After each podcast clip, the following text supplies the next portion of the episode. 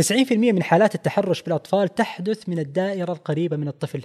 هذه الإحصائية نشرها مجلس الصحة لدول مجلس التعاون الخليجي في منصة حملة ما ينسكت عنه للتوعية بالتحرش بالأطفال.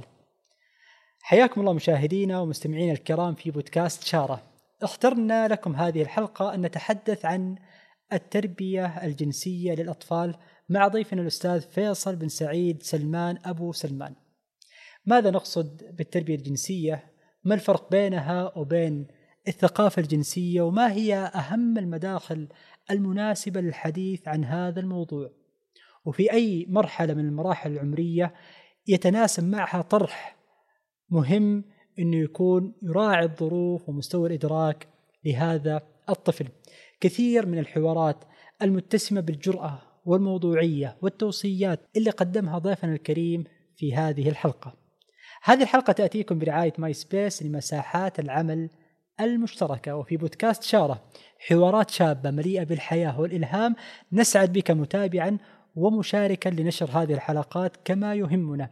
أن نستمع لملاحظاتكم عبر منصات البرنامج وأي أسماء تقترحون حضورها في بودكاست شارة. كذلك لا تنسى الاشتراك في قناتنا على اليوتيوب ومنصاتنا الصوتية المختلفة. أتمنى لكم متابعة ممتعة. آه سعداء بك أستاذ فيصل يا أهلا حياكم الله. هذا اللقاء اللي أتجدد فيه بصحبتك. الله يحييك. آه وأتوقع إنه حيكون لقاء استثنائي. أول شيء سعيد بك في بودكاست شاره الله. يكرمك وكذلك لقاء استثنائي بالمحتوى المغاير صحيح. اللي ارتبط بالأستاذ فيصل. صحيح. يعني هو ما حنخرج عن الكتاب والكتب سواء كتب الوالدين أو كتب الأطفال المساعدة في هذا الموضوع والفتيان. الفتيان برضو مهمين كتبهم مهمة جدا. اللي بيتابع الأستاذ فيصل هو بيعرف إن الأستاذ فيصل مشرف العام عن الطفل القارئ مهتم بكثير من المبادرات اللي مهتمة بالقراءة. أنا واحدة من المعلومات المفاجئة لي قريبا عرفتها عن الأستاذ فيصل إنه هو معلم. نعم. على رغم الارتباط الكبير في كثير من اللقاءات معك لكن ما جاء في بالي إني كنت أشوفك في كثير من ال يعني في معرض الكتاب بعض الأحيان لما أشوفك ما شاء الله تبارك الله في ركن الطفل القارئ الجهد اللي بتبذله طول اليوم صوتك ينبح. ما جاء في بالي إنه لك علاقة بالتعليم تماما. إيه، لا لا الحمد لله. بل أفاجئك يمكن أنا بكالوريوس فيزياء ترى. ما شاء الله تبارك وأدرس فيزياء. السنة هذه أدرس هندسة. فيزياء وتعليم وحاسب أو عفوا وتربية جنسية وطفل قارئ آه، هو هنا سؤالي أنا. إيه. يعني كيف بدأت علاقتك آه، بقضايا الطفولة؟ جميل. آه وتحديدا إيش اللي خلاك تنتقل من جانب الطفولة والقراءة في هذا هذه الفئة العمرية المهمة جدا. إلى موضوع مرتبط به لكن بطريقة أوسع. أوسع. أو بطريقة أكثر آه، عمق في قضايا أكثر حساسية التربية الجنسية. أي. يعني شوف أنا يمكن برضو مع جو التعليم موضوع التربية ما الواحد ما انفك عنها. وبرضو استمريت في كدراسة أكاديمية خلصت الدبلوم التربوي وبعد كذا ماجستير توجيه وإرشاد. فجو التربية بالجملة يعني عايشينه. فضلا الممارسة الوالدية وكذا تجعلك بعض الأحيان أنك تحرص كثير على قضية آه، الاطلاع. القراءة حقيقة وهذه أبرز ميزة في موضوع القراءة والكتب هي شاملة وعامة وواسعة. وبالتالي أنت في موضوعات آه، حتتناولها من خلال الكتاب. بل أنا أزعم أنه ما في موضوع إلا وهنالك كتاب مؤلف مؤلف فيه.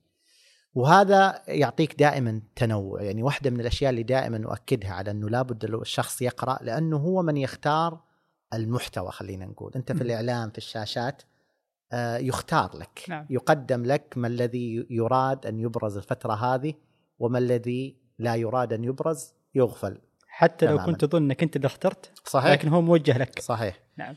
وبالتالي آه، حتى ترى مثلا ال social media اليوتيوب الأشياء هذه الخوارزميات هي اللي قاعدة تطلع دائما آه، أشياء آه، كمقترحات للمشاهدة. قد تجد شيء أكثر قيمة في الإعداد وأكثر أهمية كموضوع لكن لسبب أو لآخر في الخوارزمية ما طلع لك في المشاهدات المرتفعة والعالية وبالتالي أنت قد ما تعيش. لكن أنت لما تختار دائما ما تقرأ ستختار الموضوع الذي يستحق الاهتمام.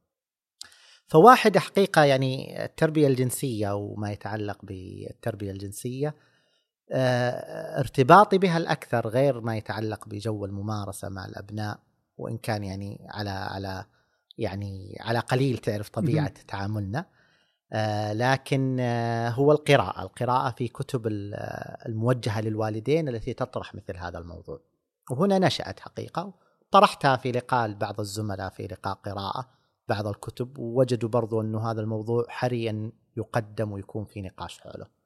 فأثرت أنه يكون في مثل هل الموضوع يحتاج هذا الزخم؟ آه نعم. وللأسف لأنه غير متداول.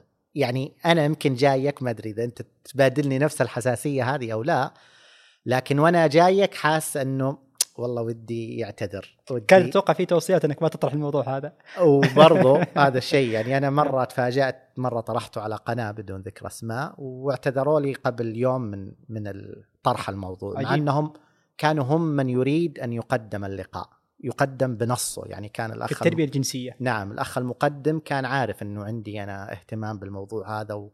ويعني شغال اعده وكان حريصا يقدم عندهم. وأخذ المفردات وأخذ الأشياء. قبلها بيوم اعتذر لي من من تقديم اللقاء. مع النقاش عندكم ملحوظات مثلا في البنود في الأشياء؟ قال لي لا بس ما ودنا نطرح الموضوع. فلازلنا في مجتمع مع هذا الوقت الكبير من الانفتاح. نتحسس من مثل هذا الموضوع. في حين حقيقة أستاذ أحمد ديننا ترى دين عظيم. يعني ديننا لم يبقي مثل هذه الموضوعات آه، في الخفاء. بل تكلم عنها. يعني سلمان رضي الله عنه يقول النبي صلى الله عليه وسلم علمنا كل شيء حتى الخراء اللي هو قضاء الحاجة. آداب الاستنجاء آداب الاستجمار آداب ما يتعلق مثلا بإتيان الرجل لأهله وغيرها. تفاصيل تلقاها مبثوثة في أحاديث الرسول صلى الله عليه وسلم في آيات من القرآن الكريم بكل ما فيها من من رقي في اللفظ والكنايات المستخدمة. في أدبيات الفقهاء.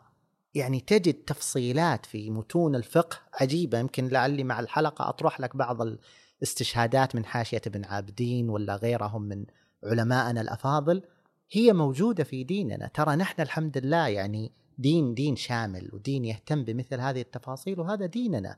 يعني لماذا نستحي مثلا فيه هو نقطة قضية التحسس من العنوان؟ وهذا حقيقة بعض التحسس من؟ من العنوان يعني الناس. يسمعوا تربية جنسية ينسوا كلمة تربية ويمسكوا فكره الجنس ونحن كبالغين مرتبط عندنا الجنس بمثلا ممارسة واحدة لا نعي أن أول شيء التربية الجنسية غير الثقافة الجنسية.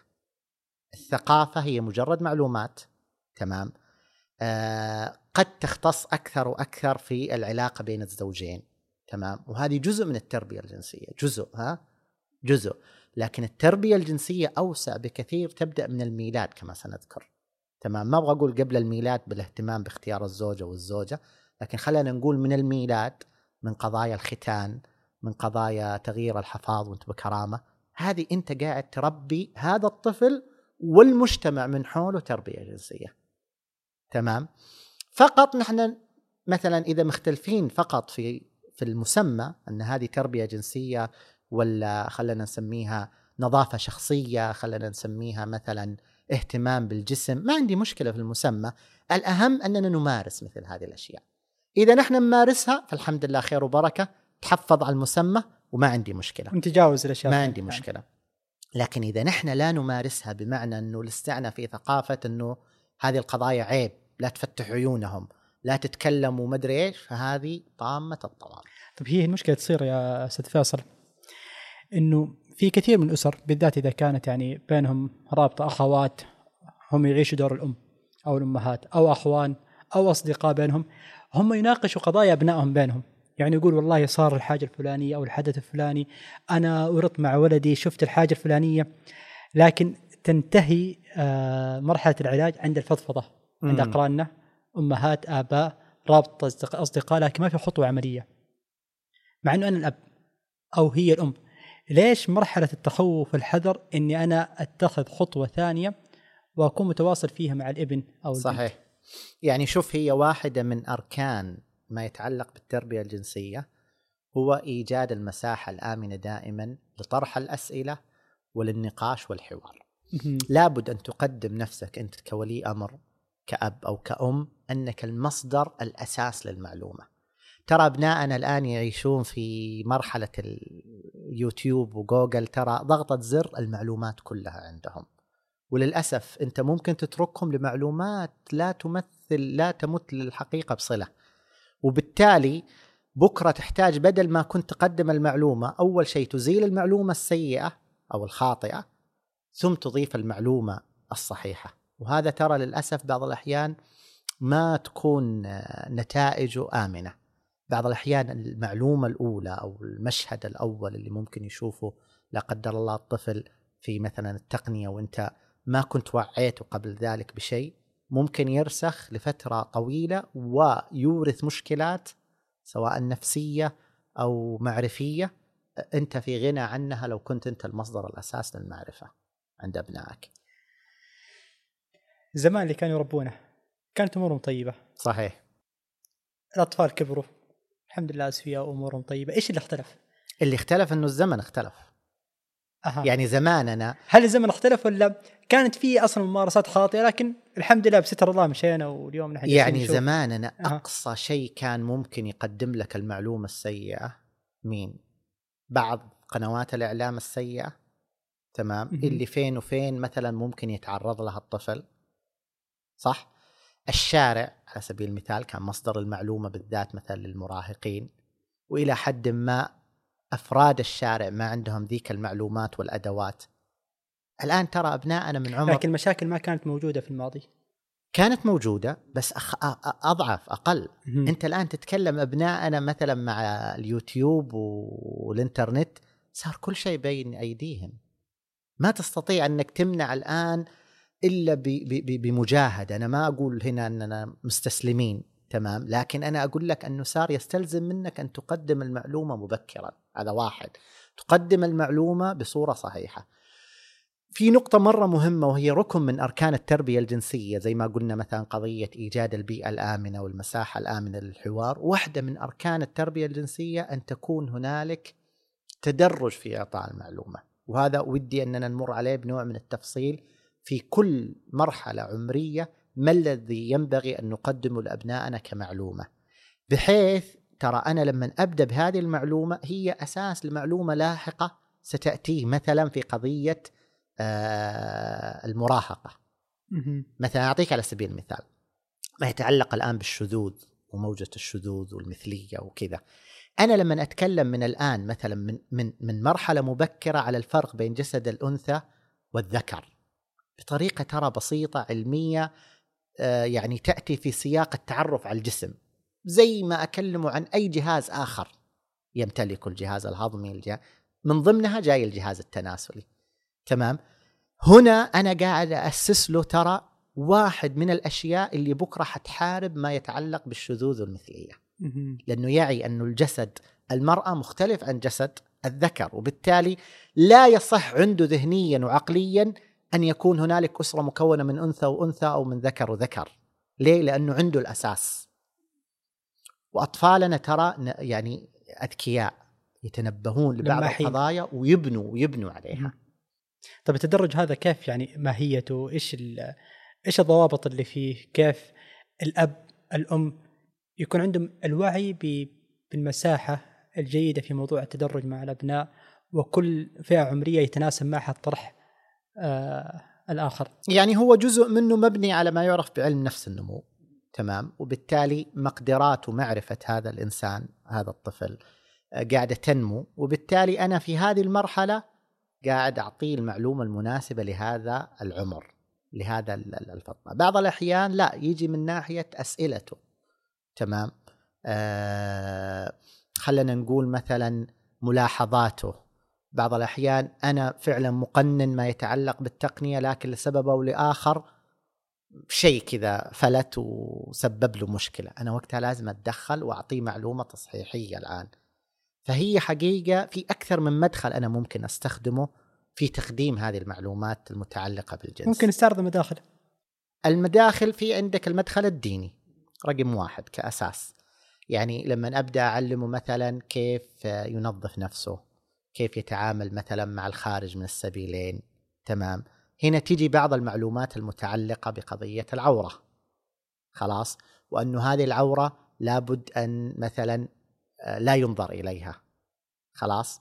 آه، مو أي أحد يتعامل معك فيها. حتى وإنت صغير وهذه واحدة ترى من القضايا مثلا في تغيير وأنتم كرامة الحفاظ. آه، مهم جدا أن, أن, أن أؤكد على الطفل أنه مثلا هذا الحفاظ مو أي واحد يغير لك إياه. ترى حتى بالممارسة يعني خليه هو يفهم إنه الدنيا مو سبيل. يعني كل واحد كل من هب ودب يغير الحفاظ. تمام؟ لا الحفاظ هي مسؤولية الأم رقم واحد. واثنين وثلاثة وأربعة. طيب ما في الأم لسبب أو لآخر في رقم اثنين. بعد فترة ترى ممكن أكرر له أقول له ترى الحفاظ هذا ما يغير لك إلا مثلا الأم هي تتحدث تقول إلا أنا ومثلا فلانة, فلانة. أختي مثلا فلانة بحكم أنه لو أنا ماني موجودة هي موجودة. هنا الآن ترى هذا جزء من المعرفة اللي قاعد أنا أوصل له إياها متعلقة بقضية التربية الجنسية. معقول يدرك الطفل هذا الشيء؟ نعم. نعم يدرك. هي ممارسات ترى في الأول والأخير وترى جزء من أركان ما يقدم في التربية الجنسية اللي لابد أن نراعيه هي ممارسة. أنا لما أقدم التربية الجنسية للطفل ترى ما أقدمها بمحاضرة. ما حجي أقول له تعال والله وأبدأ أشرح له وأكلمه. لا هي هي آه تأتي بصورة عفوية في المواقف اليومية وممارسات. لما أشوفه مثلا والله ما هو مهتم بستر عورته حتى في العمر اللي هو ما هو ملزم بستر العورة شرعا. لكن مثلا أجي أقول له لا يا بابا عيب تغطى بعد لا تخلينا نشوفك رد الباب خليك ورا الباب خليك ورا كذا لا أحد يشوفك أخوك لا يشوفك. هذه الممارسات أنا قاعد أربيه تربية جنسية. تمام؟ بعض المداخل تتعلق مثلا بالعادات العادات الصحيحة. المبنية بناء صحيحي اللي هي لها ارتباط بثقافتنا وديننا. في التعامل مثلا بين الجنسين. نحن مثلا في بيئتنا الخليجية والسعودية مثلا واضح إنه مثلا في عمر معين يبدأ الأبناء أو الأطفال أو الأولاد يلعبوا بعيد عن البنات. تمام؟ خلنا نقول نحن ما موسوسين ولا أنا والله مثلا تفكيرنا دائما يعني فقط في الأمور الجنسية وأنه هذول الصغار ممكن يفعلون في يعني ممارسات خاطئة أو ما إلى ذلك بعيدا عن هذا الشيء. هذه ممارسة آه، مبنية على عاداتنا وثقافتنا خلينا نقول وهي صحيحة لطيفة أنها جزء من تمهيد أن يتعلم أنه في فرق بين الجنسين. وبالتالي لما يما هذه الممارسة أكد عليها في قضية أنها جزء من من عاداتنا وأستخدم هذا المدخل في قضية العلاقة بين الذكر والأنثى. لأنه مهم ترى مثلا لما نجي لمرحلة 15 سنة أن تحبر قضية العلاقة بين الذكر والأنثى. تمام؟ حتى يا أستاذ أحمد فيما يعني في في في مجتمعاتنا الآن اللي صار مثلا في عمل للمرأة في أماكن مثلا فيها وجود للفتى مع الفتاة. ماشي هم يشتغلوا مع بعض في بيئة آمنة في كذا لكن ما زال هنالك قيود. في مساحة. في مساحة لابد أن تكون موجودة. مو صحيح أنه والله هذه زميلتي في العمل أنه ما في أي حدود أتعامل معاها زي أختي ولا زي أزيد من كذا. تمام؟ لا في في حدود. في حدود اجتماعية وفي حدود دينية. لابد أن نراعيها ونتعامل وننطلق من خلالها. وانت تشير إنه هذه الحدود تتكون من البدايات. لا شك هي هي أنت تبني بناء تدرجي. وهكذا في أكثر من مدخل يعني ذكرنا الآن المدخل الاجتماعي أو العادات ذكرنا المدخل الديني المدخل الديني كذلك نعم. تمام آه. المدخل الديني أثر النبي صلى الله عليه وسلم وحديث النبي صلى الله عليه وسلم وفرقوا بينهم في المضاجع. نعم. هل تدخل في جزء من من عملية التربية الجنسية؟ بلا شك. بلا شك. يعني هذه نقطة مرة أساسية قضية أنه التفريق بينهم في المضاجع. طبعا بعض العلماء ذكر من سبع وبعضهم ذكر من عشر. والتفريق هنا المقصود فيه هو التفريق في آه، في اللحاف بالذات. يعني ما يناموا في نفس الفراش وفي نفس الغطاء. تمام؟ آه لأنه في العادة وزمان كانت يمكن أكثر مع عدم وجود مثلا مكيفات وكذا كان ممكن عملية النوم تكون أصلا بدون أي ملابس. فحتى لا يمس الجسد الجسد تمام؟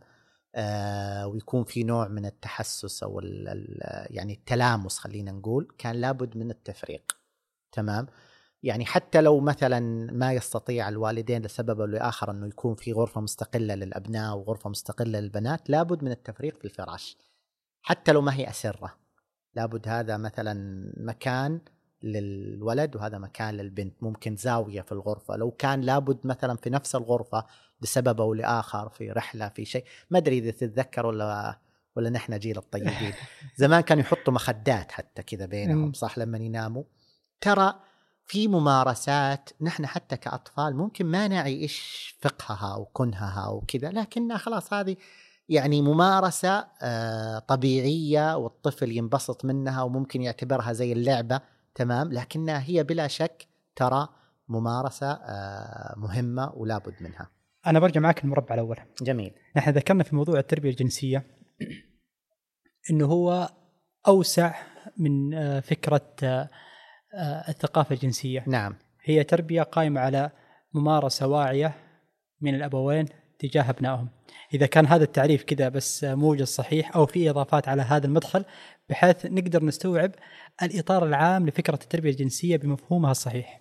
طيب شوف التربية الجنسية عملية متدرجة مهم. مستمرة. مهم. خلاص. تراعي آه، تقديم المعلومة المناسبة في العمر المناسب. أيضا آه، تراعي ما يتعلق بنمو الطفل. وبالتالي أقدم له هذه المعلومة في الوقت المناسب. على افتراض أنه ما في أي م- مدخلات أخرى. بعض الأحيان ترى أنت مثلا موقت لهذه المعلومة في مرحلة قادمة لكن صار موقف معين في العائلة صار مشهد شافه في اليوتيوب شيء خلاك تقدم هذه المعلومة. تمام؟ فحترجع أنت الآن تقدم هذه المعلومة بطريقة مناسبة لهذا الحدث الطارئ اللي صار. خلاص؟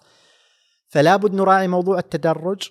موضوع الخصائص آه، النمو لدى هذا الطفل وأمشي أنا بهذه بهذه الصورة. طبعا هي معلومات علمية أصول شرعية تجارب جيدة ممارسات حياتية آه، برضو اتجاهات إيجابية. ترى جزء من من أني أكون أنا مصدر الثقافة المتعلقة بالأشياء الجنسية أني سأجعل لهذا الطفل قبول لذاته.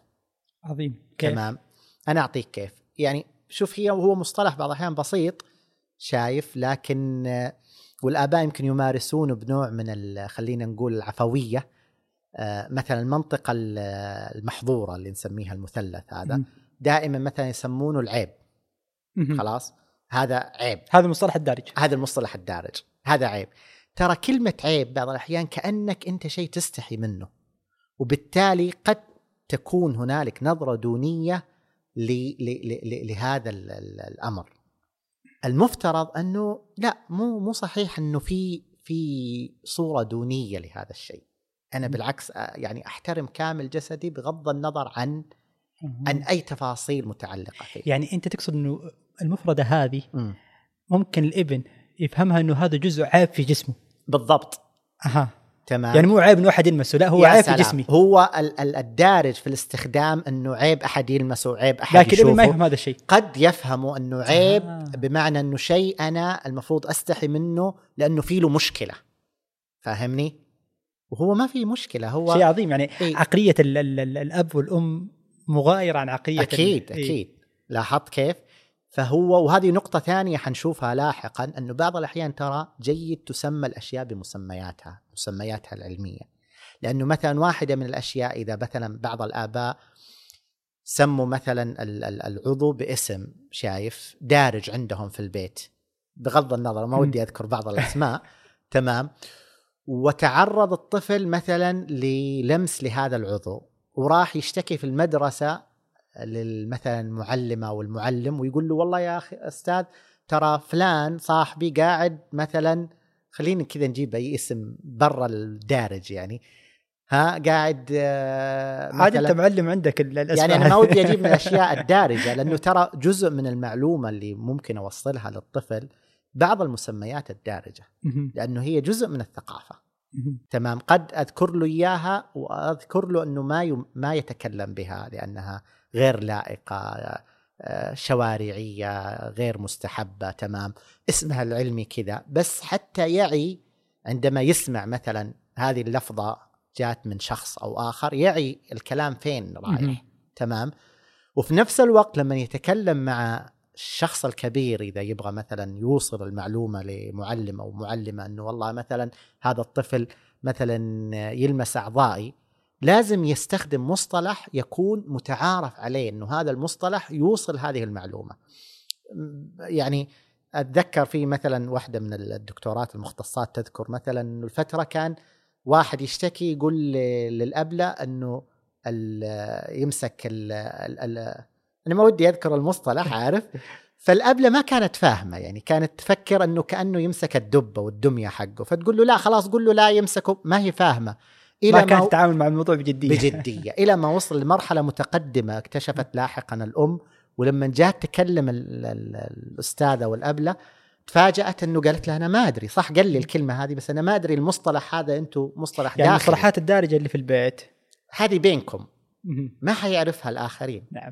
تمام؟ فلا بد أنه يفهم المصطلح الأساسي خلينا نقول اللي الجميع يفهمه. وأنا حقيقة أفترض أفترض أنه مثلا مصطلحات القرآنية مصطلحات الدارجة في أحاديث النبي صلى الله عليه وسلم هي مصطلحات حقيقة سائغ تناولها سائغ التعبير عنها. تمام؟ وسائغ أنها تصبح متداولة. تمام؟ طبعا في أسماء أخرى زي ما قلنا دارجة مثلا في اللغة الشعبية واللغة الدارجة ممكن يتعرف عليها الطفل لكن لو رجعنا للمصطلح الشرعي أو المصطلح القرآني أو المصطلح الذي استخدمه النبي صلى الله عليه وسلم لا شك أنه هو آه، يعني معلوم عند الجميع. هو ممكن يجي اعتراض يعني عند بعض الآباء يقول حجم التخوف إنه لو علمت مثل هذه المصطلحات أنا لا أضمن آه، المساحة اللي بيستخدم فيها هذه المصطلحات. يعني ممكن يستخدمها مثل ما يقول شعري وفمي في أي مكان ممكن تأتي هذه المصطلحات دارجة لكن خليه على عماه بكرة يكبر ويعرف هذه المصطلحات في عمر هو حيكون آه، أكثر وعي باستخدام الكلمات الأفضل في المكان الأنسب ولا إني أنا كأب ولا كأم أنحط في مواقف محرجة. شوف أنت جاوبت على شق أه. اللي هو العمر، أنت لا تجي زي ما قلنا واحدة من الأساسات التدرج، فأنت حتعطي في كل مرحلة عمرية جزء من هذه المعرفة. خلاص؟ الشق الثاني كإجابة لهذا السؤال هو أنه مع هذه المعرفة التي تقدم أنا أقدم له أنه هذه ألفاظ ما أستخدمها بل هذه معرفة ما أنقلها للآخرين.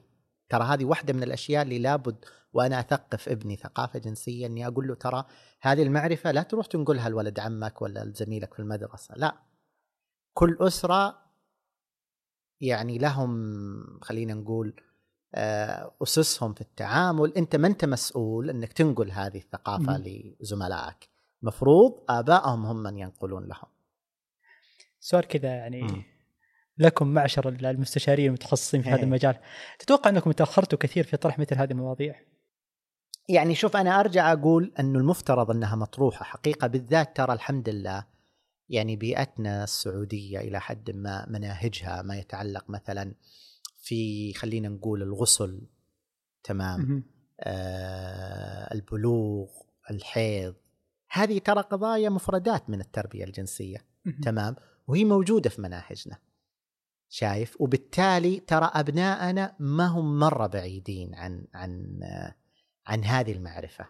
هو جزء من مشكلة آه خلينا نقول البيئة المدرسية أنها ليست هي فقط البيئة الأمثل لطرح مثل هذه الموضوعات أنه قد يكون لدى الطفل بعض التساؤلات اللي ما يستطيع يعبر عنها. في الفصل مع المدرس ما حيجرؤ أن يطرح مثل هذا السؤال أو البنت تطرح مثل هذا السؤال وتناقش بعض القضايا المتعلقة بها شخصيا. وأنسب بيئة هي البيئة الأسرية. تمام؟ هي التي ستستطيع أن تتقبل مثل هذه التساؤلات. ولذلك قلنا ركن أساس أن يشعر الإبن. ترى جزء من أنت حتى لما تقدم له هذه المعرفة هي رسالة ضمنية قاعدة توصل له أنه أنا موجود دائما لتساؤلاتك. بل بعض المرب المربين ترى يذكروا أنه هذه لازم أنص عليها. ترى أي سؤال عندك أنا موجود. اطرحه نتناقش سوا. أي ممارسة أي سلوك شفته مارسته مو مورس معك آه، أحد آه، في البيئة عندك حولك قاعد يسويه تعال نتكلم حوله. آه، في كتب أنت استعرضتها كذا قبل التسجيل. كنت أقول إنه هذه كانت من أهم الكتب في نعم. كأشياء للوالدين إذا إيه تكوين المدخل أنا- الأساسي في موضوع نعم، التربيه يعني- الجنسية. نعم طبعا هذه حلقة يعني حلقة استثنائية حتى في محتواها. إيه. بسم الله. حلقة استثنائيه حتى في محتوى يعني نحن العادة ما نستعرض كتب ونستعرض إيه على. أساس إنها صوتية يعني. لكن آه، بالعكس يعني هذه هذه فرصة. أتوقع هذه فرصة إن إحنا نكون قريبين حتى من ال- الوالدين في إنه كيف نعزز مثل هذه. التربية ومفاهيمها حتى تكون هناك أسرة آمنة وأسرة مطمئنة. صحيح. يعني هي فرصة حقيقة للوالدين إنهم ينموا الثقافة أكثر من جهة ومن جهة أخرى إنه حتى في نقاشهم فيما بينهم كوالدين إيش ال- المادة اللي يعني تكون مثار للسؤال للكلام للأخذ والعطاء ففي بعض الكتب مهم. حقيقة المميزة هذا كتاب هذا اول كتاب آه، يعني أنا أول كتاب قرأته متخصص هذا الكتاب نعم. نعم, للدكتورة هبة حريري طبعا الدكتورة يعني معروفة في تبنيها آه لهذه يعني التوعية بهذا الأمر في المجتمع حقيقة ولها جهود مشكورة. آه هذا الكتاب حقيقة ميزته برضو أنه يبين للوالدين كيف نقدم هذه المعرفة بال يعني الآلية اللي الدكتورة متبنيتها ومقسمتها على المراحل العمرية ويعني استفدت منه كثيرا في آه، التقسيم اللي اللي حذكره مع بعض التعديلات البسيطة من خلال بعض الكتب الأخرى. حقيقة هذا الكتاب لطيف وفيه يعني بعض الرسومات اللي ممكن حتى تستخدم آه، للأطفال لكنه هو المفترض أنه كتاب للوالدين. يعني ما هو ما هو للأطفال. حنيجي الكتب آه، سواء مباشرة لهذا الموضوع أو غير مباشرة للأطفال. نمارسها للأطفال. وهذه واحدة من المداخل ترى. يعني قلنا نحن المداخل عندنا ال- مدخل الدين والاجتماعي. نعم. مدخل الكتب. أني أقدم له كتاب فتكون أنا أصلا كأني هدمت حاجز كبير أني كيف أقدم له الموضوع هذا. تمام؟ فأنا أعطيته كتاب هو حيقرأ حرجع أنا أناقشه آخذ ودي معاه. طيب إيش رأيك في النقطة هذه؟ طيب إيش رأيك في النقطة هذه؟ جميل. سواء. للولد أو للبنت. ممكن إحنا نسميه المدخل الثقافي؟ ممكن تسميه المدخل جميل. الثقافي. فهذا كتاب حقيقة مميز. كتاب الأستاذة هند خليفة وحقيقة من أوائل المتخصصات اللي طرحت بعض كتب الأطفال. إن شاء الله أني بس جبتها. أخشى أني ما جبتها. آه، أستاذة هند خليفة كان عندها كتاب اسمه لا تلمسني يتكلم عن التحرش. ولاحقا فصلت هذا الكتاب في أربعة كتب حقيقة أنا أعتبرها من أفضل ما يقدم للطفل في التربية الجنسية. أنواع الأسرار وأنواع المسافات وآداب دخول الحمام والرابع دائما أنساه. هو دائما آخر واحد النسي وأخشى إني ما ما ما جبته لكن موجودة يعني. فهذا الكتاب دليل اسمه دليلك للتربية الجنسية وحماية طفلك من التحرج الجنسي من المهد حتى تسع سنوات. طبعا كتاب حقيقة مليء جدا آه يعني بتفاصيل ويعني سلس لطيف. الوالدين ممكن يقرؤونه بنوع من من السلاسه هذا الكتاب من البذرة إلى الثمرة آه، إعداد الأستاذة أسماء الجراد. أيضا آه، لطيف آه، في تكلم عن التربية الجنسية لمرحلة الطفولة. آه، في بعض القضايا حقيقة ال- المميزة اللي ما هي موجودة في الكتابين الآخرين. آه، التربية الجنسية أصول شرعية وقصص واقعية للخبير التربوي الدكتور عبد الله عبد المعطي. حقيقة. للكبار فقط مكتوب عليه. إي للكبار فقط. هذه آه. الكتب كلها للكبار فقط. بمعنى كتاب فضيلة كمان؟ إي حجيله. آه هذا الكتاب حقيقة آه في له بعد شرعي مرة مميز يعني يمكن يطغى على بقية الكتب. لا أقصد أنه الآخرين ما اعتمدوا البعد الشرعي لكن هنا آه بصورة طاغية أكثر. في الآيات في الأحاديث في بعض التفصيلات الأحكام الشرعية آه هنا مذكور بصورة بصورة مرة ممتازة. والكتاب حقيقة للي يحب جو القصص يعني حيقرأه ممكن في جلسة لأنه يطرح القضية يطرح الأصل الشرعي يوضحه بعدين يسرد مجموعة من القصص اللي تؤيد هذا المعنى من خلال طبعا الدكتور عبد الله الله يعطيه الصحة والعافية. هذه أكبر ميزة في كتبه قضية القصص في الموضوع يعني هو دائما كتبه نابعة من ال- الاستشارات وقصص الآباء اللي تجيله هي محاكاة للواقع بشكل تماما انعكاس للواقع بصورة آه تربوية مرة مميزة. أخيرا حقيقة وهذا من آخر أواخر الكتب اللي خرجت يعني خرجت في معرض الرياض حقيقة آه الأخير اسمه فضيلة. هذا خلينا نقول للمحاضن التربوية. تمام؟ للمدارس للجهات اللي تبغى تربي وتضع في منهجها ما يتعلق بالتربية الجنسية كيف تعتمدوا متى تقدم مثلا الموضوع الفلاني؟ متى تقدم الموضوع الفلاني؟ آه وثيقة نسميها في علم التربية وثيقة منهج. يعني والله في العمر هذا إيش المجال الفلاني؟ إيش المادة الفلانية؟ إيش حنتكلم بعدين؟ تمام بهذه الصورة بحيث أنه نبدأ الآن مثلا في المجال هذا لاحقا نكمله بنقطة أخرى وهكذا. هذه كتب حقيقة يعني الآباء ممكن يكفيهم كتاب من الكتب ال- الخمسة الأولى أو الأربعة الأولى، الكتاب الأخير اللي هو وثيقة علمية هذه للمحاضن التربوية والمربين اللي يريد أن يفعل التربية الجنسية في محضنه آه، أو بيئته. مهم جدا يطلع على ف- فضيلة. ما شاء الله هذا النتاج العلمي يعني أتوقع إنه واحدة من الأشياء اللي تبين آه، أهمية صحيح. أهمية النقاش مثل هذه الموضوعات. يمكن في نتاج كان آه، ممكن منشور بطريقة أو بأخرى في سابقا لكن التركيز اليوم صحيح. معنى ذلك إنه في تحدي كبير. صحيح. ولاحظ معي أنا ترى جبت لك الأبرز ولا ترى إيه. في غيرها كتب كثيرة. حتى أنا شايف بعض الطبعات يعني قريبة 2019 آه، 17 إيه يعني نتكلم على آخر سبع سنوات تقريبا. بالضبط. فالتحدي للدرجة هذه مهم يعني اشغل يعني- المربين يعني أنا أعطيك واحدة من القضايا اللي الآن ابنائنا قاعدين ترى يعيشونها. وطبعا أنت لما تتكلم عن آه، الاسر المسلمة في البلاد الغربية ما يعرف مصطلح الجاليات أو كذا ترى هم يعني يعيشونها صباح مساء ما يتعلق مثلا بالشذوذ والمثليه مهم. تمام؟ هذه قضية أنا أشعر أننا ما ن... من يطرحها الآن لأب... لأبنائه ترى ما هو ما هو مبكر. ليه؟ لأنه بعض الأحيان ممكن يشوفها في مشهد كرتوني. تمام؟ بعض الأحيان ممكن يشوفها في قضية آه، لعبة في فيلم مثلا سينمائي آه، وحقيقة نواجه تحديات ضخمة في هذا الموضوع. يعني آه، ألوان ال- ما أبغى أسميها ألوان الطيف لكن الألوان حقهم هذه اللي هي ما هي ألوان الطيف السبعة لكنها أصبحت منتشرة مثلا. اللي هو مجتمع الميم. فابنائنا لابد يفهموا شيء عن قضية ال- الشذوذ والمثلية ولو بصورة بسيطة وطبعا تختلف من من بيئة لاخرى من أسرة لاخرى من مكان لمكان. الممارسات اللي هم آه، إيش قاعدين يتلقون؟ حتى أنا بعد كذا قاعد إيش آه، أوعيهم بالمستوى المناسب. التدرج دائما هو حقيقة الحكم في مثل هذا الموضوع. آه، التربية الجنسية ومصطلح التحرش ال- الجنسي. إيش المسافات ال- المتشاركة بينهم. شوف نحن مشكلتنا دائما يعني ما حنيجي للتربية الجنسية إلا لا قدر الله إذا صار في تحرش. إذا صار في تحرش وهذا غير صحيح. بعض الأحيان دائما تقصد انه السلوك يكون ردة فعل. بالضبط. أها. بعض الأحيان ترى يحتاج الآباء أن يعوا أن دورهم آه، هو بنائي وليس فقط علاجي. ترى مم. التربية الجنسية هي تربية بنائية وقائية. هذا البناء الوقائي ترى حيعالج كثير من المشكلات اللي لا قدر الله ممكن تحدث لاحقا. ترى بعض الأبناء ممكن يتعرض لتحرش وهو ما يدري أنه تحرش.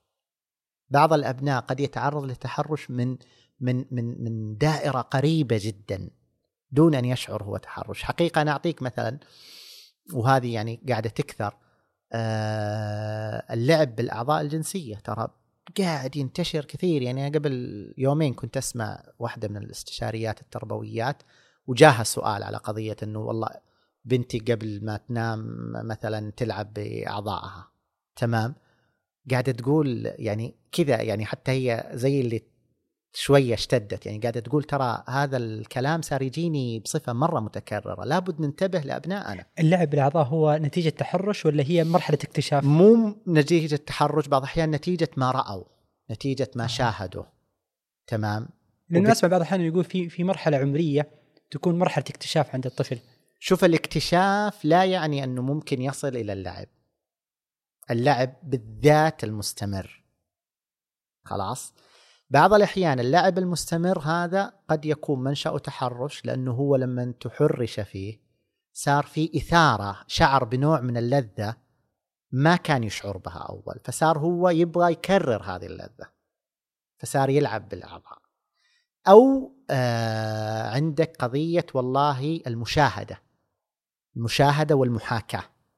مم. تمام؟ فهو شاهد إنه والله في أحد يسوي هذا الفعل فأنا أحاكي لما حاكى شعر بنوع من الإثارة فصار يحس إنه في لذة يبغى يوصل لها من فترة لأخرى. تمام؟ فلا بد نعي انه نحن دورنا ترى ترى يا أستاذ أحمد التربية الجنسية هي حق للأبناء. حق. لابد أنا أقدم له هذه التربية الجنسية لأنه هذا جزء من واجبي تجاهه. أني زي ما أربيه مثلا فكريا وعقليا وهذا جزء من تربيته الفكرية العقلية المعرفية هي ما يتعلق ببعض ما يتعلق آه، بالنواحي الجنسية. عظيم جدا والله وهي ترى.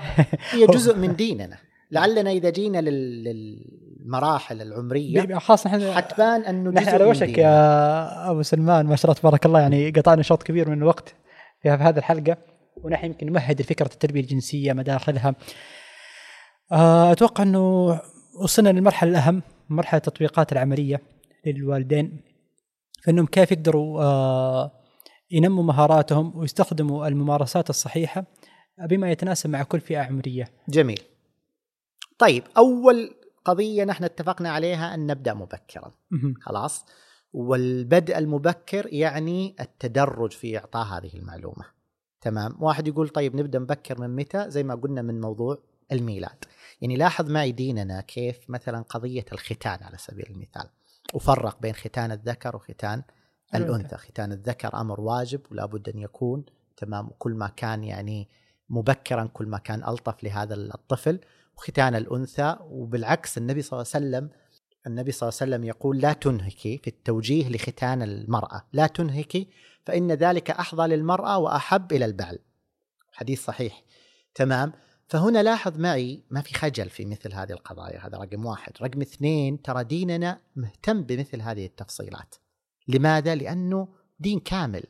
وهذا جزء من حياة هذا الإنسان. ترى الجنس ووجوده واستقراره في في الإنسان هو لحكمة عظيمة. وضعها الله عز وجل لاستمرار هذا هذا خلينا نقول ال- الصنف البشري أنه يستمر في الحياة. وبالتالي وجهنا لكيف نتعامل مع مثل هذه الأشياء. فأنت تتكلم عن الختان هذه من أوائل الممارسات اللي يمارس مع الطفل وهي جزء من التربية آه، الجنسية.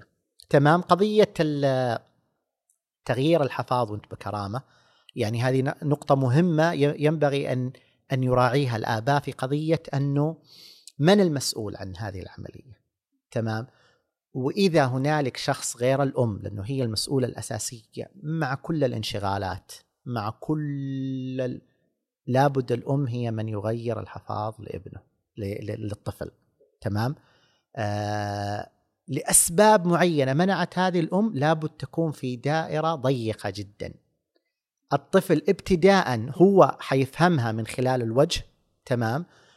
أيضا لاحقا أنا ممكن أنص عليها. أقول له ترى هذا الحفاظ لا يغير لك إلا مثلا الأم لما تتكلم إلا أنا أو مثلا فلانة وفلانة وما ما تزيد بحيث إنه يشعر إنه الموضوع يعني عادي. نرجع نفس العبارة الماضية سبيل. سبيل.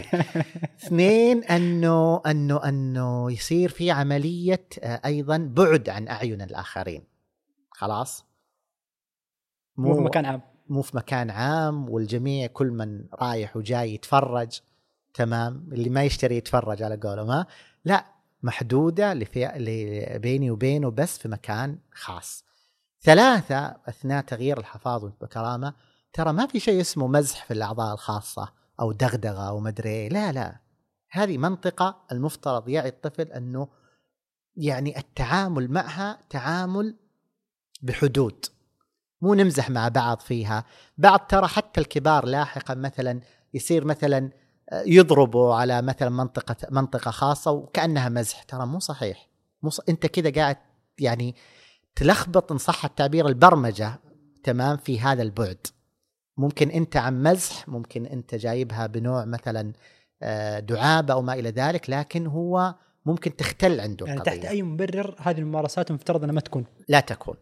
فهنا مثلا قضية الميلاد. لو جينا القضية مثلا من عمر سنتين تجينا أول قضية قضية ال- الله يكرمك دخول الحمام. لاحظ معي الحفاظ المفروض أنه ما كان في حمام. كان هو آه، يقضي حاجته في هذا الحفاض ثم تصير عملية التغيير اللي هي قلنا إيش تكون فيها المراعاة.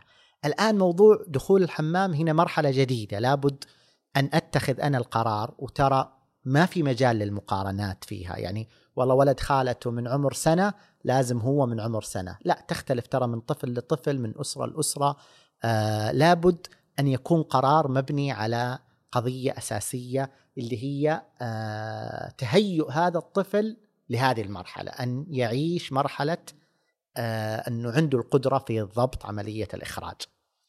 لما يبدأ الآن يمارس قضية خلينا نقول الحمام. لابد أنا هنا اكد على قضية مثلا إنه ما يكون أمام الآخرين مثلا إظهار العورة.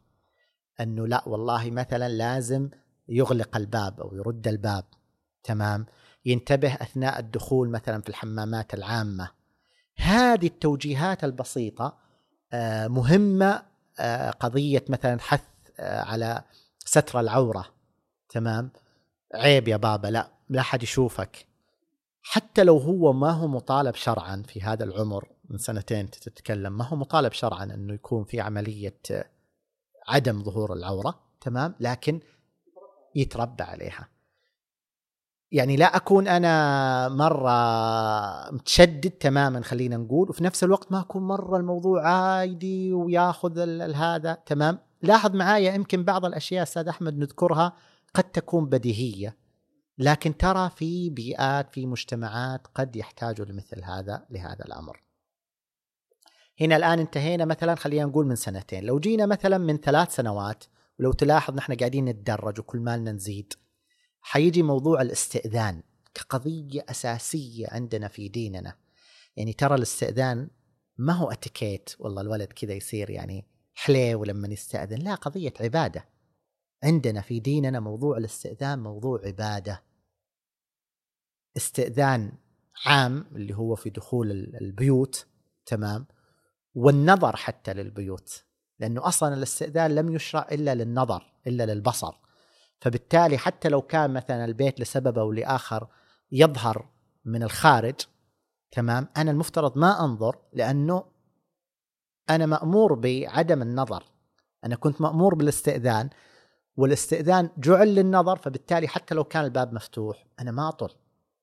خلاص. وأقول لولدي مثلا والله إذا نحن نازلين طالعين الدرج وكذا وشاف باب الجيران مفتوح أقول له بابا ما تشوف. تمام؟ أنت لازم تستأذن. الاستئذان الخاص اللي هو داخل البيت. آه، استئذان الأولاد على البنات والبنات الذكور على الإناث والإناث على الذكور. الاستئذان في غرفة الوالدين. تمام؟ الاستئذان مثلا عند استخدام دورات المياه. يعني تعرف في البيت بعض الأحيان ممكن ما يقفل. تمام؟ خاصة الصغار. فأنا مثلا يصير في أشبه بالقانون إنه والله مثلا إذا الباب مغلق أنا ما أفك الباب لين ما أدق. وهذه ترى ممارسات أنا أمارسها ككبير الطفل يتربى عليها بالاقتداء يشوفني و... بالضبط ويمارسها. وهو صغير ترى يبدأ يتعلم. خلاص والله إنه باب مقفل حتى لو أنا سامع صوت أبويا وسامع صوت أمي يتكلموا أو كذا تمام؟ ما أفتح باب مقفل لازم أدق الباب وأدقه ثلاث مرات ما كلموني معناته أروح. هذه ترى كل ما كانت مبكرا كل ما استطعت أنت أنك تربي يعني تربية جنسية صحيحة. لاحظ معايا ترى أستاذ أحمد يعني إن شاء الله ما يعني يكونوا ابنائنا في مثل هذه الأشياء. ترى مشهد واحد ممكن يشوفه الطفل مثلا في علاقة حميمية بين أبوه وأمه ممكن أنا أقول لك يأثر في حياته بصورة غير طبيعية. لأنه هو مو فاهم إيش الهرجة أصلا.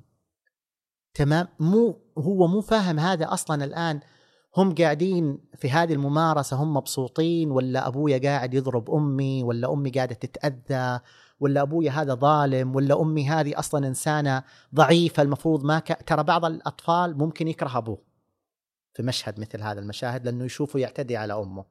بعضهم ممكن هو يفسرها اعتداء. هو يفسرها هو ما يفهم إيش اللي قاعد يصير تمام؟ بعضهم ممكن يكره أمه إنه ليش هذه ضعيفة لهذه الدرجة إنها تاركة أبويا بدون ما تقاوم مثلا. تمام؟ بعضهم ممكن يكره أصلا العلاقة هذه ككل الزواج. إنه هذا زوج وزوجة سووها أنا أكره أبو الزواج هذا كله. مو مستوعب ترى حتى لاحقا لما يتطور معرفيا وجسديا ويعرف إنه هذه جزء من هذا قد يكون هذا العائق النفسي آه، مضر في علاقته الزوجية لاحقا. طيب أستاذ فيصل الآن يعني نحن وصلنا إلى عمر ثلاث سنوات. تقريبا نعم. تقريبا هذه الممارسات حتى الآن هي ممارسات مثل ما ذكرت هي في المجتمع بشكل عام هي ممارسات آه، تلقائية بتصير. نعم. مرحلة الحساسية حتى الآن فين موجودة في التربية الجنسية؟ مرحلة آه ممكن نبداها لما نيجي نتكلم مثلا عن الفروقات بين جسد, جسد الذكر والأنثى. وهي تتناسب مع اي مرحلة تقريبا. المفترض من ثلاث سنوات برضه تمام؟ يعني لاحظ معي بعض الأسر مثلا آه، ممكن يشعر أنه لا بدري. ليش أكلمه أصلا أنه في فرق بين جسد الأنثى وجسد الذكر؟ تمام؟ هذه هذه الفروقات قد تكون هي الأساس لاحقا اللي يحفظه من موضوع الشذوذ. لأنه سيعي أنه الله عز وجل خلق الأنثى بهذه المواصفات وخلق الذكر بهذه المواصفات وهذا لن يتأتى إلا في علاقة بين ذكر وأنثى. ما تتأتى بين علاقة بين أنثى وأنثى أو علاقة بين ذكر وذكر. لاحظت؟ نعم. ليه؟ لأنه وعى أنه هذا الجسد يختلف عن هذا الجسد. ترى جزء من التربية الجنسية سبحان الله يزيد آه تقدير الطفل لله عز وجل وأن الله عز وجل خلق كل شيء بحكمة. ووضع كل شيء في موضعه وجعل هنالك لكل شيء تقدير سبحانه وتعالى. فيزداد جزء من من البعد الإيماني. طيب يا أخي كيف أطرحه؟ وليش أطرحه؟ ترى أنا أبغى يعني نحبر على نقطة. ترى الطفل هو ما هو متحسس مثلك. أنت بحكم أنك راشد وبالغ وعارف بعض التفصيلات لاحقا متحسس من بعض القضايا. هو قاعد يتعامل معاها بتلقائية تامة. طيب كيف أقدمها؟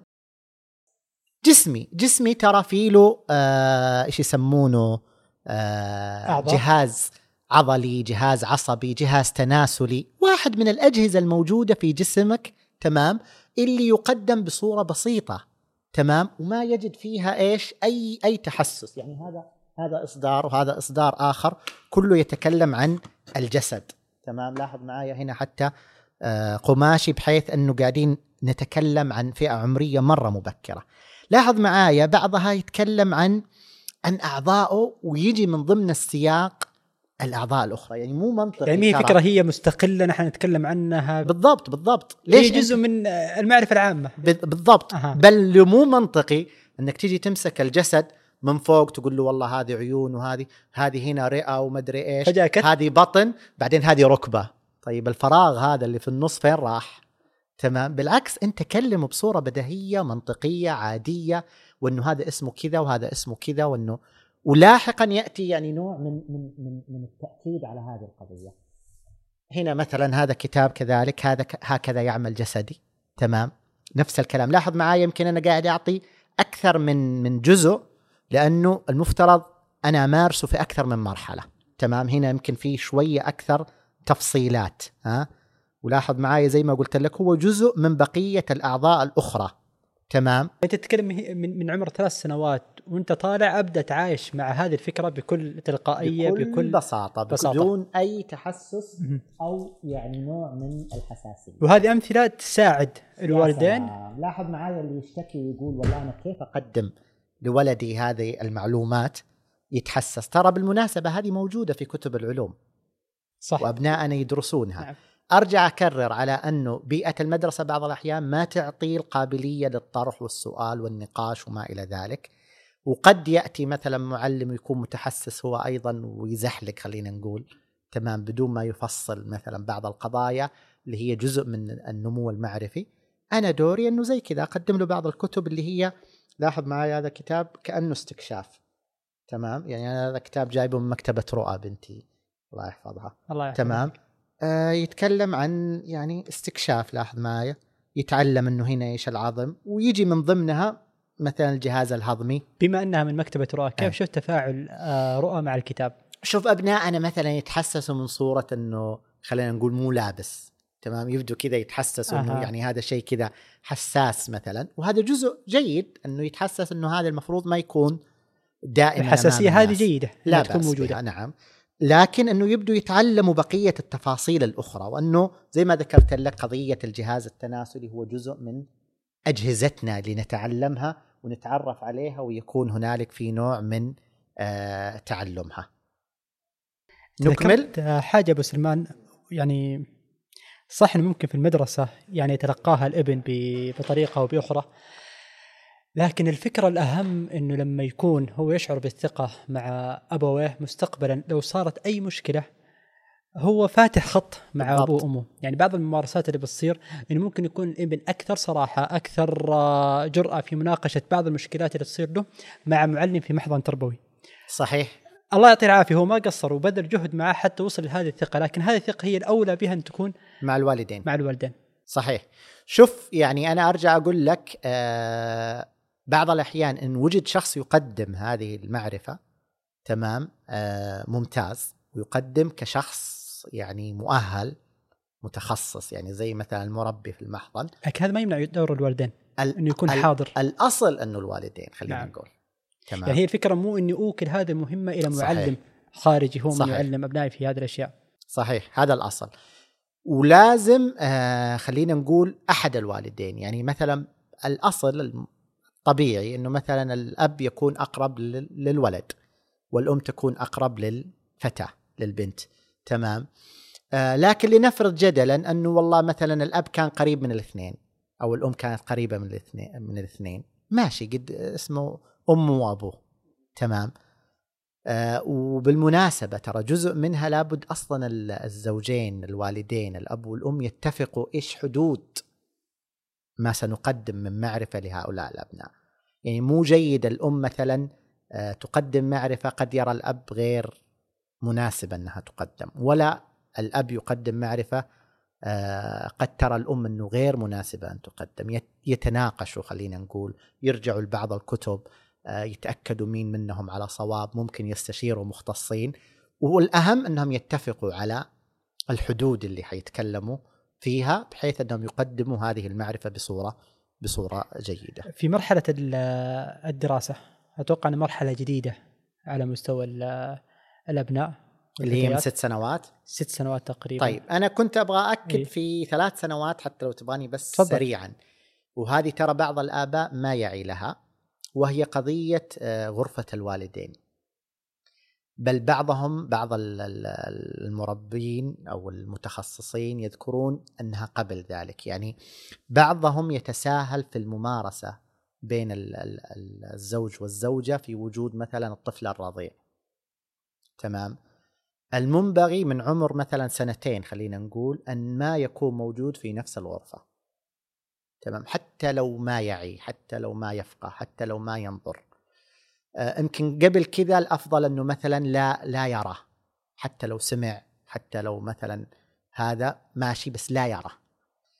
الأفضل أن يكون في غرفة أخرى. يعني والله اطمنوا عليه اكل وهذا يحطونه في غرفة ثانية ويكونوا هم ماخذين راحتهم. طبعا أنت تتكلم من ثلاث سنوات أكيد ما يكون ولا يدخل. وبعض الأحيان لا يرى ولا يسمع. ترى بعض الآباء قد ينتبه لمثلا قضية خلينا نقول البصر لكن ما ينتبه للصوت. لابد يراعي هذا الموضوع. هذه نقطة مرة حساسة. في نقطة أخرى بعض الأحيان ما ينتبه لها الآباء وهي خلينا نقول ما بعد العلاقة آه الأشياء المتغيرة في الغرفة. ترى الأ- الأبناء يعني في حساسية شديدة وذكاء وتنبه لأشياء أنت بعض الأحيان تغفل عنها. يعني مثلا إذا وضعت مثلا خلينا نقول شموع ولا ما وضعت إيش هم نظرتهم لهذا الموضوع؟ بعض الأحيان الملابس. طيب إيش جاب الملابس هذه؟ ليش الملابس هذه مثلا فيها بعض الآثار؟ ليش موجودة بالطريقة هذه؟ ليش موجودة بالطريقة هذه؟ ترى هذه التفصيلات أنت قاعد تجعل أبنائك ينمو بنقاء بصفاء ب ب ب- خلينا نقول طهر. خلاص؟ لا تج... لا تستبق الأحداث لا تجعلهم يسرحوا بخيالهم لا تجعلهم مثلا يعيشوا شيء المفروض ما يعيشونه قبل عمرهم. تمام؟ فهذه نقطة مهمة. غرفة الوالدين جيد أن نتعامل معها بحذر. ما أقول والله أنه أنه غرفة النوم يعني. تمام؟ بعضهم مثلا متطرف تماما ما يدخلوا الأبناء. تماما. وممكن يعني تقوم القيامة ولا هذا إذا دخلوا. وبعضهم لا. بسيط الموضوع سرديحي مرزيحي على قولهم. تمام؟ حتى ما يقفلوا لا لابد أول شيء أثناء العملية تكون في مثلا الإغلاق. تمام؟ قبل ذلك أنا أعرف الأبناء أنه لابد من الاستئذان إذا الأبواب مغلقة في أي وقت كان مو عاد في الثلاث عورات لكم. تمام؟ آه والأخير أني أراعي هذه الغرفة في الآثار ما بعد ما بعد ذلك. في هذا العمر كذلك يا أستاذ أحمد ثلاث سنوات جيد أن يفرق الطفل بين اللمسات الصحية واللمسات غير الصحية. في عمر ثلاث سنوات. نعم وهذه جزء من تمهيد ما يتعلق لاحقا في التحرش وما التحرش. في منطقة ما حد يلمسك فيها إلا الوالدين أو الأطباء أو الطبيب في وجودي في وجود أحد الوالدين. تمام؟ بقية المناطق طبيعي أنه يكون في تلامس فيها لكن برضو حتى هذه في لمس صحي وفي لمس غير صحي. في منطقة أبدا ما فيها لمس ولا حتى ضرب ولا حتى مزح ولا جبت هدف و... ويعني بعد الهدف احتفلنا فيها. احتفلنا فيها. لا هذه أشياء لابد ينبه عليها الأطفال. يعني هذه نقطة اللمسات الصحية وغير الصحية نعم. تكون واضحة مع الأبناء من عمر من ثل... من ثلاث سنوات. سنوات. نعم. عبد الله الطاري يقول الطفولة المراهقة وال... تبدأ من ثمانية سنوات أو عشر سنوات. هي الآن منظمة الصحة العالمية من ثمان سنوات تعتبر تعتبر البلوغ يبدأ من ثمان سنوات. من ثمان سنوات. نعم. تقدم عن أول. يعني في الآن ترى ممارسات بنات عندنا من تسع سنوات قد بالغة أوه. أي. والبنات بالذات يبانوا أكثر من الأولاد، الأولاد أتوقع نفس طيب كيف تجمع بين إنه ثمانية سنوات آه، طفولة آه، مراهقة و18 سنة آه، سن الطفولة؟ هم حتى هذه يعتبرونها يعني يعتبرون إنها بلغت بس ما زالت طفلة. يعني في منظمة الصحة هم عندهم الطفولة إلى 18 سنة. مم. يعني حتى نحن مثلا نختلف إنه هنا بلوغ أصلا 15 سنة يقينا إنه بلغ. تمام بس بتشوف إنه نحن لما نتعامل مع الطفل إنه 18 سنة م. طفل يعني سوية الفكرة هذه شوف نحن عندنا في ديننا هو بلغ أصبح مكلف يعني في كثير من الأحكام الشرعية مبناها على البلوغ. وبالتالي كونه بلغ أصبح مكلف. لابد هذا الفارق الجوهري عندنا في ديننا. هذا من ناحية الشرائع أو العبادات. نعم. وحتى التعاملات. وهذا جزء ترى من من من التربية الجنسية إنه ليش نحن نهتم مثلا بقضية البلوغ؟ لأنه ترى هو مناط الأحكام. يعني أنت يا بابا الآن ما قبل البلوغ كان الموضوع سهل. في قضايا كثيرة. ما بعد البلوغ ترى أنت مكلف. إيش يعني مكلف؟ يعني مو أنا اللي ححاسبك. الله عز وجل اللي حيحاسبك. أنت أول كنت مثلا تطلق العنان لبصرك. أنا الآن أقول لك غض بصرك. بس ترى لا أنا حأعرف ولا ححاسبك. الله عز وجل اللي حيحاسبك. هذه نقطة مهمة عندنا في في يعني ديننا. بس أنا أتكلم من ناحية إنه لما أتعامل معاه إنه هو طفل. إلى عمر 18 سنة، يعني تعرف إيش إيش الأشياء اللي حتكون في عقلي لما أنا أتعامل معاه إنه طفل؟ حتى هو لو مكلف بس أعذره صغير بكرة حيكبر بكرة حيفهم. بخلاف لما لا أنا أتعامل معاه إنه هو إنسان أو ناضج. يعني أتوقع إن الطفولة لها علاقة بالنضج. صح ولا لا؟ صح صح. وبالتالي أنت لما تتكلم شوف أنا أرجع أقول لك حتى هذه الممارسات في المجتمع إنه صار مثلا البنت لما تبلغ من تسع سنوات حتى الأب والأم تلقاهم ما يشددوا على بعض القضايا. هو مثلا آه، فعلا مثلا يهتم بقضية خلينا نقول آه، الصلاة والصيام. تمام. آه الحجاب شوية يحاول بالذات إذا ما هيأ من أول للموضوع. تمام. يبدأ يحاول أنه الآن أنت تتكلم ترى ثمان سنوات تسع سنوات يعني ثالثة ابتدائي. شايف؟ ففعلا لسه صغيرة. شايف. فهو آه طبعا ما أقول لك أنه الغالبية في هذا العمر لكن في بنات نسبة. بهذا العمر وبالتالي لابد هو يعيش معاه أنه خلاص هي بالغة. في مثلا اختلاطها بالذكور بالأمور الأخرى لابد أن تراعى مثل هذه القضية. طيب. من في ست مرحلة سنوات؟ التربية الجنسية. زي يمكن السؤال اللي ذكرته لك ولعلنا نشير إليه إنه في مرحلة جديدة في حيقبل عليها ال- الطفل. مرحلة بيختلط فيها بمجتمع أكبر آه حيكون في أصدقاء له حيلتقي فيهم ساعات أطول. آه كثير من الأشياء حتصير يمكن ما كانت قبل هذه المرحلة موجودة أو مواتية فيها الفرصة.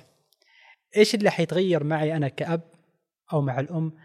في موضوع مفاهيم التربية الجنسية للطفل في هذه المرحلة اللي هي يمكن تكون مرحلة من المراحل الأولى الفارقة في حياته صحيح اللي هي المجتمع من- الجديد. من ست سنوات ست تقريبا سنوات تقريبا نعم. يعني في العادة خلينا نقول هي اللي الآن بدأ احتكاك الطفل فيها أكثر مع المحيط الخارجي بعضهم صح ممكن بدي مثلا من رياض الأطفال لكن حتى رياض الأطفال تحس إنها محدودة إلى حد ما ست سنوات فعلا مع المرحلة الابتدائية هو صار مثلا آه، المدرسة وأصحابه اللي هم فئة أكبر آه، المدرسين ال- ال- اللي في المدرسة كعاملين آه، ال- ال- ال- المحيط اللي حول المدرسة الب- البقالة مدري إيش الأشياء هذه. فهذه كلها حقيقة تستدعي التأكيد على بعض ال- ال- النقاط الرئيسية اللي مرتبطة بالتربية الجنسية. واحدة منها اللي بديناها أول والآن نرسخها أكثر قضية العورة.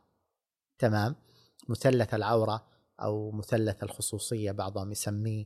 آه، سميه هذه منطقة لا حد يلمسها لا حد يشوفها لا حد ي... ها؟ خلاص نحبر عليها أكثر وأكثر. فقضيه العورة حتى بعيدة من دخول مثلا فيما يتعلق بالحكم الشرعي وما إلى ذلك لكن معروفة مثلا حدودها بالنسبة لل... للولد وللبنت. البنت يعني تزيد قضية المنطقة اللي في الأعلى. آه، قضية التفريق في المضاجع. اللي سبق وأشرنا لها لأنه بعضهم ربطها من مروا ابنائكم بالصلاة لسبع انه العطف هنا على سبع يعني أنه يبدأ التفريق من من سبع.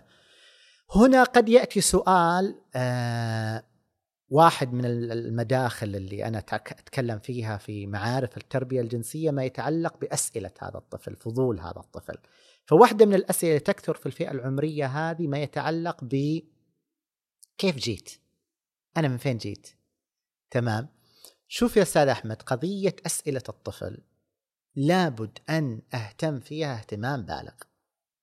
حتى ولو تقدمت كثير عن المرحلة العمرية اللي هو فيها. المستوى الإدراكي. بالضبط. ما كروتها؟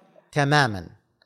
أنا أقول لك كيف تتعامل معاها بطريقة ما أسميها كروتة بقدر ما أسميها فن التعامل مع أسئلة الطفل. لأنه بعض الأحيان أنت لازم تتذكر برضو أنه ما أعرفه أنا مو شرط الطفل عارفه. ما يتبادر في ذهني من أنه هذا السؤال عن هذه النقطة قد هو أصلا مو قصده كذا. تمام؟ فواحدة من ال- القضايا الأساسية أني أهتم بأسئلته تمام؟ بحال من الأحوال ما أجيب عنها إجابة خاطئة. يعني ما أجيب بمعلومات خاطئة. فرق بين أني أعطيه معلومات غير مكتملة ها وفرق بين أني أجيب بمعلومة خاطئة فرق فرق بين السماء والأرض والطفل يفهم هذا الشيء لاحظ معايا لو ما فهمها وقتها لاحقا حيفهم أنك أنت ما كنت مصدر لمعلومة ثقة. صحيح وبالتالي ما أنت مصدر للثقة وبالتالي ضررها أكبر من نفعها. يعني أنا أفهم من النقطة هذه إنه ممكن ما تكون لها آثار آنية لكن مستقبلا حتكون لها آثار وقد تكون لها آثار آنية مهم. قد تكون لها آثار آنية لأنه بعض الأسئلة للأسف الإجابات غير العلمية قد تزعزع مثلا امانه. شايف؟ لما أجي أقول له أنا لقيتك عند عند باب المستشفى تمام؟ يمكن خفت الإجابة هذه الآن في الأجيال ال... لكن زمان مثلا والله كان بسيط يقول لك والله أنا لقيتك عند باب المسجد ولا باب المستشفى وأخذتك. تمام؟ وبالتالي آه هنا ترى أنت متعامل معاها ببساطة الطفل سيتعامل معاها بنوع من الأم... أنه آه، مفهوم الأمان عنده اهتز. صار هو ينظر إيش هذا؟ أنا طيب إيش جابني عند باب المستشفى؟ طيب أنا إيش أصلي؟ أنا إيش هويتي؟ أنا إيش وضعي؟ أنا من فين؟ هذول إيش علاقتهم بي؟ وخيالات الطفل أنا لا أدركها الآن. تماما وللأسف هو مو للأسف هو شيء جيد. الطفل صاحب خيال واسع. يعني أنت ممكن ألقيت كلمة أو اجابه ما كنت تظن أنها ممكن تؤول لهذا الشيء. خيال الطفل وصله لمرحلة غير طبيعية. أنت كنت في غنى عنها. فهذه نقطة أساسية أنه بحال من الأحوال ما أجيب إجابة خاطئة. طيب كيف, كيف أجاوب؟ تكون الإجابة؟ اي أول شيء أرد الموضوع له. أول شيء. أحاول أفهم بطريقة أو بأخرى هو فين قاعد يسأل؟ هو إيش يبغى؟ إيش المعرفة اللي عنده اللي أنا دوري أني أأكدها أو انفيها أبني عليها تكة أتأكد أنه تم إشباع لما يريد خلاص وانتهينا والأمور طيبة وخلاص كذا كويس. لكن ما أجي أفترض أنا أنه هو يبغى الحد الأقصى في الإجابة وأنطلق أنا أسترسل. معه. هذا واحد. هذه عكس ترى حكاية الكروتة على قولك. حكاية إني أجيب له جواب إجابات. مغلوطة. مغلوطة. فما أجيب إجابة خاطئة تماما بحال من الأحوال. أجيب بقدر ما يريد هو خلاص وما يتفق مع فئته العمرية. ثلاثة قضية آه أن أتأكد أني أشبعت هذا الفضول لدي. وترى بعض الأحيان بعد هذا السؤال بعدها بفتره أحاول بطريقة أو بأخرى أتأكد أنه هو آه مكتفي ولا ما زال. تمام؟ وصلت الإجابة ب- بالشيء اللي هو يبغاه. نعم. فموضوع من أين أتيت؟ يعني واحدة من الإجابات أو الطرق. تمام؟ هذه القصة مفاجأة سارة في العائلة. تمام؟ لطيفة بكل بساطة. أول شيء فيها عصفورين ينضربوا. أني كيف أهيئ الطفل ل ل إيش يسمونه للمولود الجديد. تمام؟ وفي نفس الوقت لاحظ معايا. السونار وال- بالضبط. فيها كيف قاعد يعيش مرحلة شوف هذه بالله الصفحة كيف لطيفة. تمام؟ قاعد يعيش هنا كأنه في الفضاء. تمام؟ وهو فعلا في بطن أمه مع مع الجو اللي هو عايش فيه كأنه في الفضاء يعني. تمام؟ فأنا هنا قاعد أشبع حاجته في هذا الموضوع برسومات بقصة وهذه واحدة من المداخل الكتب والقصص. أني أوصل له هذه المعلومة بكل بساطة تمام؟ واشبع هذا ال- ال- الفضول لديه وبحدوده ما يريده هو أو ما يستوعبه هو. دون أن أدخل في أشياء أحتاجها لاحقا هو الآن ما تفرق معه. تمام؟ يعني القاعدة المهمة في هذه المرحلة إنه ستنشأ أسئلة فضولية عند الطفل. نعم. فأتجاوب معها بطريقة أعرف ما هي الحدود اللي نعم يحتاجها اعطيه الاجابه ومع هذه الإجابة لا أسترسل في أشياء هو لا يحتاجها الآن نعم والأهم ما تكون إجابات مغلوطة, مغلوطة. مغلوطة. ترى لاحظ معايا السؤال سؤال الطفل حتى في الأمور الجنسية هو دليل نباهة. دليل ذكاء أنا دوري ومن خلال أجوبتي أني اجعله أيضا ينمو نمو معرفي نمو عقلي منطقي صحيح. ترى إجابة خاطئة بعض الأحيان أنا ألخبط له قضايا كثيرة كان ممكن ينمو فيها بصورة صحيحة. تمام؟ لأني صرت اعطيه أشياء غير منطقية وهو قاعد يبغى ينمو الآن نمو منطقي. اعطيه أشياء آه، لا تمت للمعرفة بصلة وبالتالي هنا في مشكلة. فلا بد أراعي هذه القضايا أراعي أن اعطيه إجابة صحيحة. جميل. في مفاهيم أساسية يحتاجها الطفل في مرحلة السبع سنوات أو المرحلة الابتدائية؟ التعامل مع الغرباء مهم جدا. أني يعني أفهمه كيف يتعامل مع الغرباء. أول شيء وهذه حتى للأسف بعض الأحيان بعض القصص يعني تصورها بصورة غير صحيحة. الغريب ترى ما له شكل غريب. يعني ما له قرن مو شكله بشع دائما. لا الغريب آه، هو من لا أعرف. هذا غريب. والغريب لا يعني أنه سيء. يعني مو كل غريب هو بعبع ولا هو حرامي أو أو وحش. سيء. لا بس أنا المفروض أنه في تعامل وفي حدود معينة لابد أني أنطلق فيها. إيش هذه؟ أني ما أستجيب له. أني ما أتكلم معاه أني ما أجيبه على أسئلة خاصة. تمام؟ آه أني ما أخدمه إلا في وجود الوالدين. تمام؟ ما أجي مثلا يعني بعض الأحيان أدله مثلا يجي يطلب مني مثلا الدلالة على بيت معين وكذا وقد تكون هذه تمهيد لعملية اختطاف أو ما إلى ذلك. فأنا لازم أتعامل بلاءات أو بمحاذير أو بقوانين واضحة. إيش ابرز هذه اللاءات؟ اللاءات خلينا نقول أنه أتفق مع أبنائي على قوانين. مو شرط حتى تكون مبررة شايف؟ لكن هذه واحدة من أنظمتنا في البيت. أنه مثلا يمكن أنت ذكرتها اليوتيوب في التلفزيون العام. تمام؟ ما في استخدام يوتيوب مثلا في أجهزتكم الخاصة. ليش؟ ما في ليش بس هذه جزء ترى من التربية الجنسية. أني أحافظ على بصره وما يراه. آه زي كذا أنه الغريب ما تركب معاه مهما كان يعني هو مين أو شكله مين أو أنت غريب تعرفه قد آه يعني على قولهم زارنا في البيت زرناه. أنا قد قلت لك تعامل معاه طبيعي. خلاص هو غريب ما تتعامل معاه. تمام؟ آه ما تجيب على أحد آه في بعض الأسئلة آه بصورة غير آه غير آه يعني أسئلة خاصة خلينا نقول. تمام؟ فهذه بعض القضايا. التعامل مع الغرباء مهم وقضايا الأسرار. جميل. مرحلة جديدة اللي حيدخل عليها الطفل. التسع سنوات. التسع سنوات. لاحظ معايا ترى نحن إيه؟ بعض المراحل نعطي جزء من المفهوم والممارسة. ونتممه لاحقا يعني مثلا لو تتذكر في سنتين كنا نتكلم على أنه أبدأ أغرس فيما يتعلق بقضية أنه يا بابا هذا عيب في موضوع العورة لاحقا أأكد على العورة. هنا مثلا في الست سنوات أحثه على غض البصر. تمام؟ إيش يعني غض البصر؟ ترى نحن مبتلين مثلا في تلفزيوناتنا في اليوتيوب إنه ممكن تجي مشهد غير لائق. صحيح. تمام؟ طيب ياخذ راحته الطفل؟ لا غض بصرك يا بابا، طف غمض عيونك. حتى لو جاء شيء أنت ما كنت منتبه له غمض عيونك. تمام؟ ترى هذه جزء منها أنا لاحقا لما نتكلم على غض البصر أكثر وأحبر عليه أنا قد بنيت أساسه في البداية. زي ما قلت لك هنا مثلا ممكن أعطيه جزء من مثلا المساحة، جزء من التعامل مع الغرباء عشان أرجع مثلا في تسع سنوات احبر على موضوع مثلا التحرش.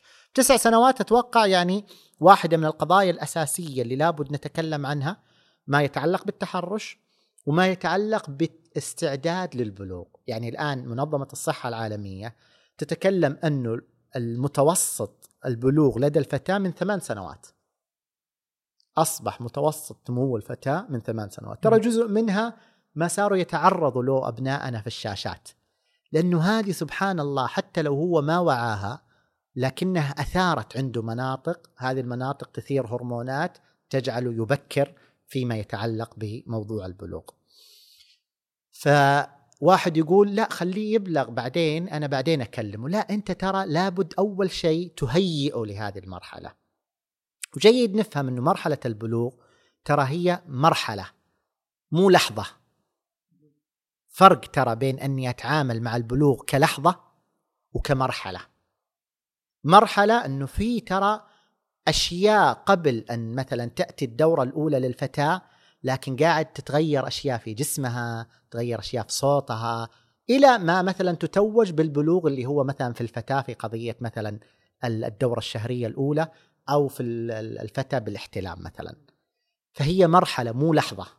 فأنا لازم أبكر لأنه جزء أساسي قلناه إنه التربية الجنسية هي تربية وقائية بنائية ليست علاجية. ليست علاجية. أنا ما أنتظر البنت هذه تنفجع بأول دورة تجيها. ولاحظ معايا يمكن هذه أكثر من الفتى.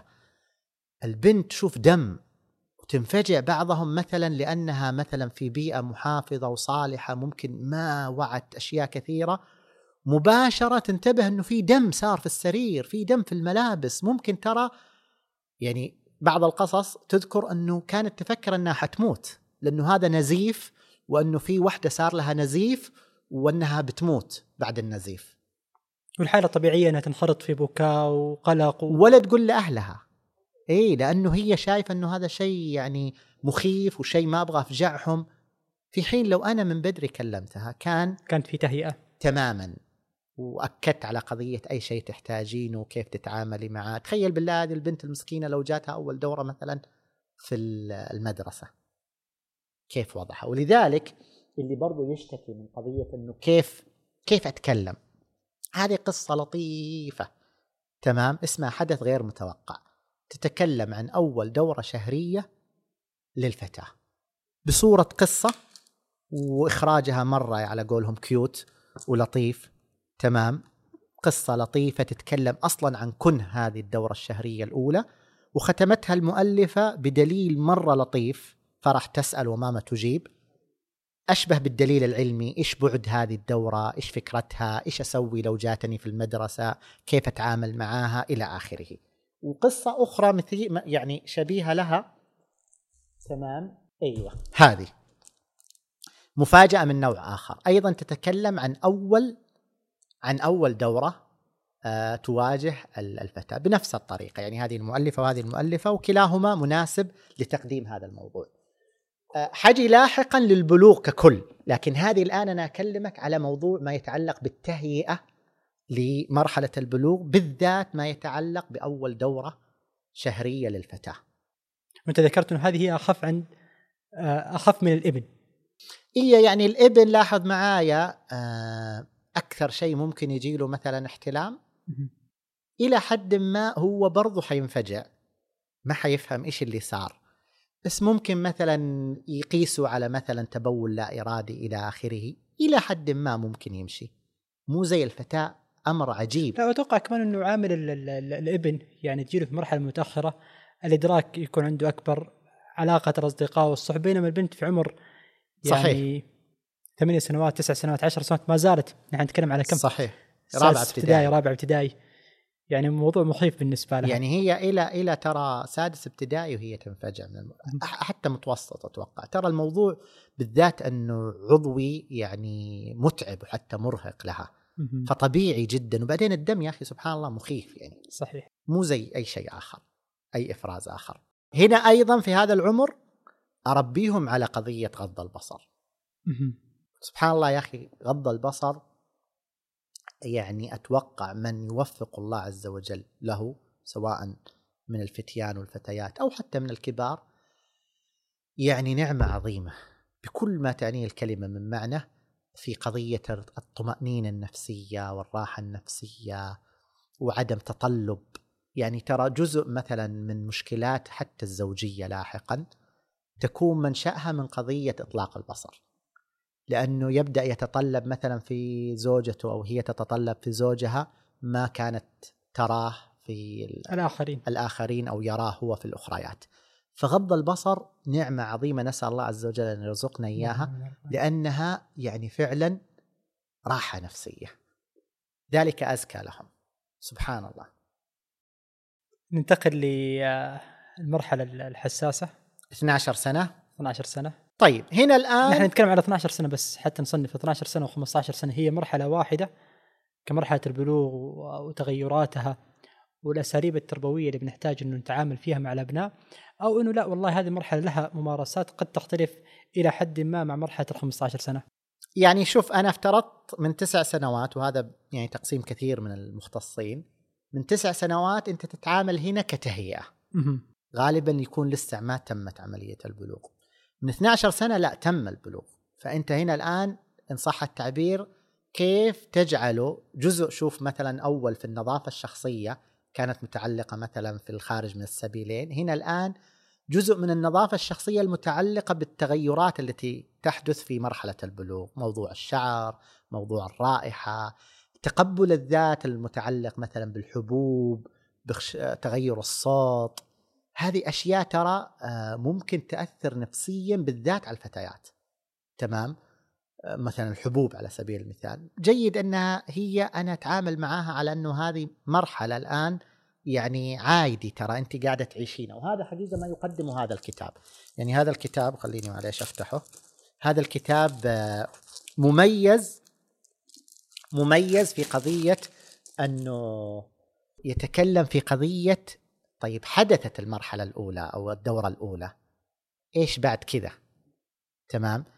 إيش بعد كذا؟ قضية أنه الآن كيف مثلا آه ترى تراعي مثلا ما يتعلق بالشعر كيف تزيله ما يتعلق بالحبوب كيف تحافظ على نفسها كيف تحافظ على نفسيتها كيف مثلا تمارس بعض القضايا. ترى هذا أمر أنا أعتبره أساسي وأرجع أقول ترى التربية الجنسية حق لأبنائنا علينا.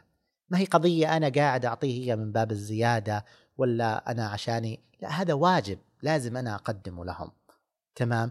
يا أخي أنا كأب أستحي مثلا للفتاة لازم الأم تكون قريبة من الفتاة. قريبة. هذه الكتب يعني الحمد لله ترى أنا أعتبر أنها تكسر حاجز ضخم ضخم مع آه، طرح مثل هذه الموضوعات. لأنه بدل ما أجي أنا من الباب للطاقة أفتح معاه الموضوع شايف؟ لا أعطيه الكتاب وبعد كذا أتناقش معاه حوله. هذا مثلا قلنا لي الفتاة. هذا الكتاب وأنا اكد حتى عندنا في المتجر يعني ذاكرين إنه هذا الكتاب الأفضل يطرح أو يطرح آه، تحت إشراف الوالدين. تمام؟ هنا ما الذي يحدث لي رفيقك لمرحلة البلوغ؟ جميل. يتكلم عن قضايا حساسة بعضنا يستحي يعني مثلا إنه يتكلم فيها بس ترى هي حديث ابنائنا في هذه المرحلة. آه ما أدري إذا تبغاني أقرأ لك الفهرس يعني. ممكن تعطينا نبذة منه. اي بس أخاف بعدين تسوي له اكت يعني هذا الكتاب زي ما ذكرت لك ميزته أنه يهيئك لبعض النقاشات اللي ممكن تتحرج عنها. وبعض الآباء ممكن لما يقرأ الفهرس يقول لا ما ينفع إني. أقدمه لولدي. ترى ابنك تثار لديه هذه الأسئلة. وبعض مثلا أقرانه ممكن يطرح عليه هذه الأسئلة. فهي ميزة أنه الكتاب مثلا يضع لك مساحة آمنة للنقاش. يعني أنا أطرح لك بعض الأسئلة ويعني يختلف تختلف ترى بعض الموضوعات من بيئة لبيئة إنهم يقدروا يطرحوا ما يقدروا يطرحوا يتناقشوا حول هذا الموضوع أو ما يتناقشوا. يعني هنا مثلا الفصل الأول أنا وجسدي ما الذي يحصل بسرعة؟ ظهور الشعر تغير الصوت حبوب ال- ال- الشباب تضخم الأثداء الاحتلام انتصاب العضو حجم العضو شعر العانة جسمي يبدو غير متناسق الغذاء الصحي نقص الوزن التعرق العادة السرية هذا الفصل الأول كله في الجسد. يجي مثلا الفصل الثاني في المشاعر. الثقة بالنفس تقلب المزاج التنمر التنمر الإلكتروني القلق الاكتئاب الخجل. التفكير بالجنس دائما. بعدين الفصل الثالث أنا وأسرتي. استقلاليتي الحاجة إلى الاهتمام التفكير بالمستقبل. أسرتي لا تدعمني أختي وصديقتي. تمام؟ وأخيرا الخاتمة. لاحظ معايا طبعا هنا المؤلفة آه، تطرح القضية بصورة أنا أرجع أقول آه إلى طبعا أنا ما وجدت كتاب أصلا. مو تقول لي أحسن كتاب ولا مو أحسن كتاب. ما وجدت كتاب للأسف يا أستاذ أحمد في كل الدول العربية ما في كتاب يتكلم عن مرحلة البلوغ للفتيان. يعني هذه الثلاث كتب اللي استعرضتها الفتيات الموجودة فقط للفتيات. وفي غيرها يمكن اثنين ثلاثة. تمام؟ لكن هذه ميزتها أنها من دور سعودية وبالتالي هي أقرب شيء لواقعنا. هذه من دار سعودية مشكورة والكاتبة خليجية آه أيضا يعني قريبة من من من ما يطرح. آه لكني مثلا أنا جاتني تغذية راجعة على بعض الكتاب ولذلك نحن ننص كذا في المتجر عندنا أنه يفضل قراءته تحت إشراف الوالدين. تمام؟ ليه؟ لأنه أنا أفترض أنه ما في كتاب أصلا. تمام؟